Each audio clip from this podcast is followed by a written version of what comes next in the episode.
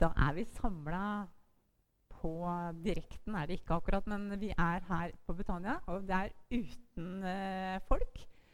For sånn er det blitt i disse tider. Vi eh, må eh, være hjemme.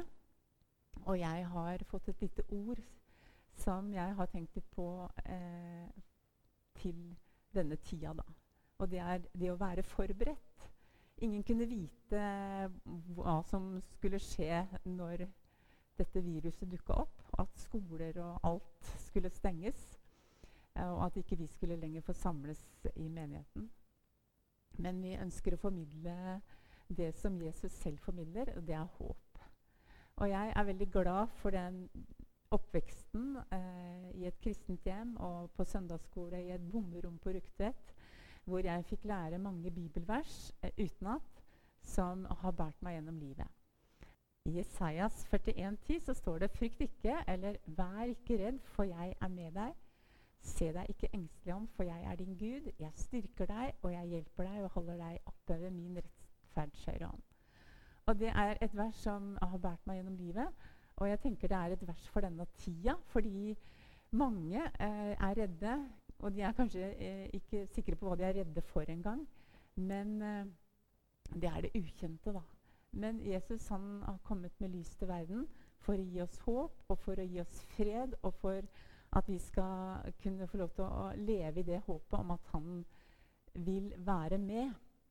Og jeg tenker at det, det at jeg fikk gå i søndagsskolen, det var en forberedelsestid for det voksne livet. Og hele tida så kan vi være i en sånn forberedelsestid. Og jeg tenker at den tida vi nå ikke samles i menigheten, men er her, det kan være en forberedelsestid for det som kommer etter. Fordi at Jesus han har sagt at vi skal gå ut og gjøre disipler og vinne mennesker. Og det kan vi få lov til for denne tida å istandsette oss sjøl ved å, å søke Gud i Guds ord. Og jeg har bare lyst til å oppmuntre til å lese i Bibelen, eh, høre podkaster og være med og be for eh, landet vårt, for verden og for eh, storting og regjering og alle de som sitter i viktige posisjoner, for kongen og dronninga, eh, som står så flott i, i, bresjen for oss.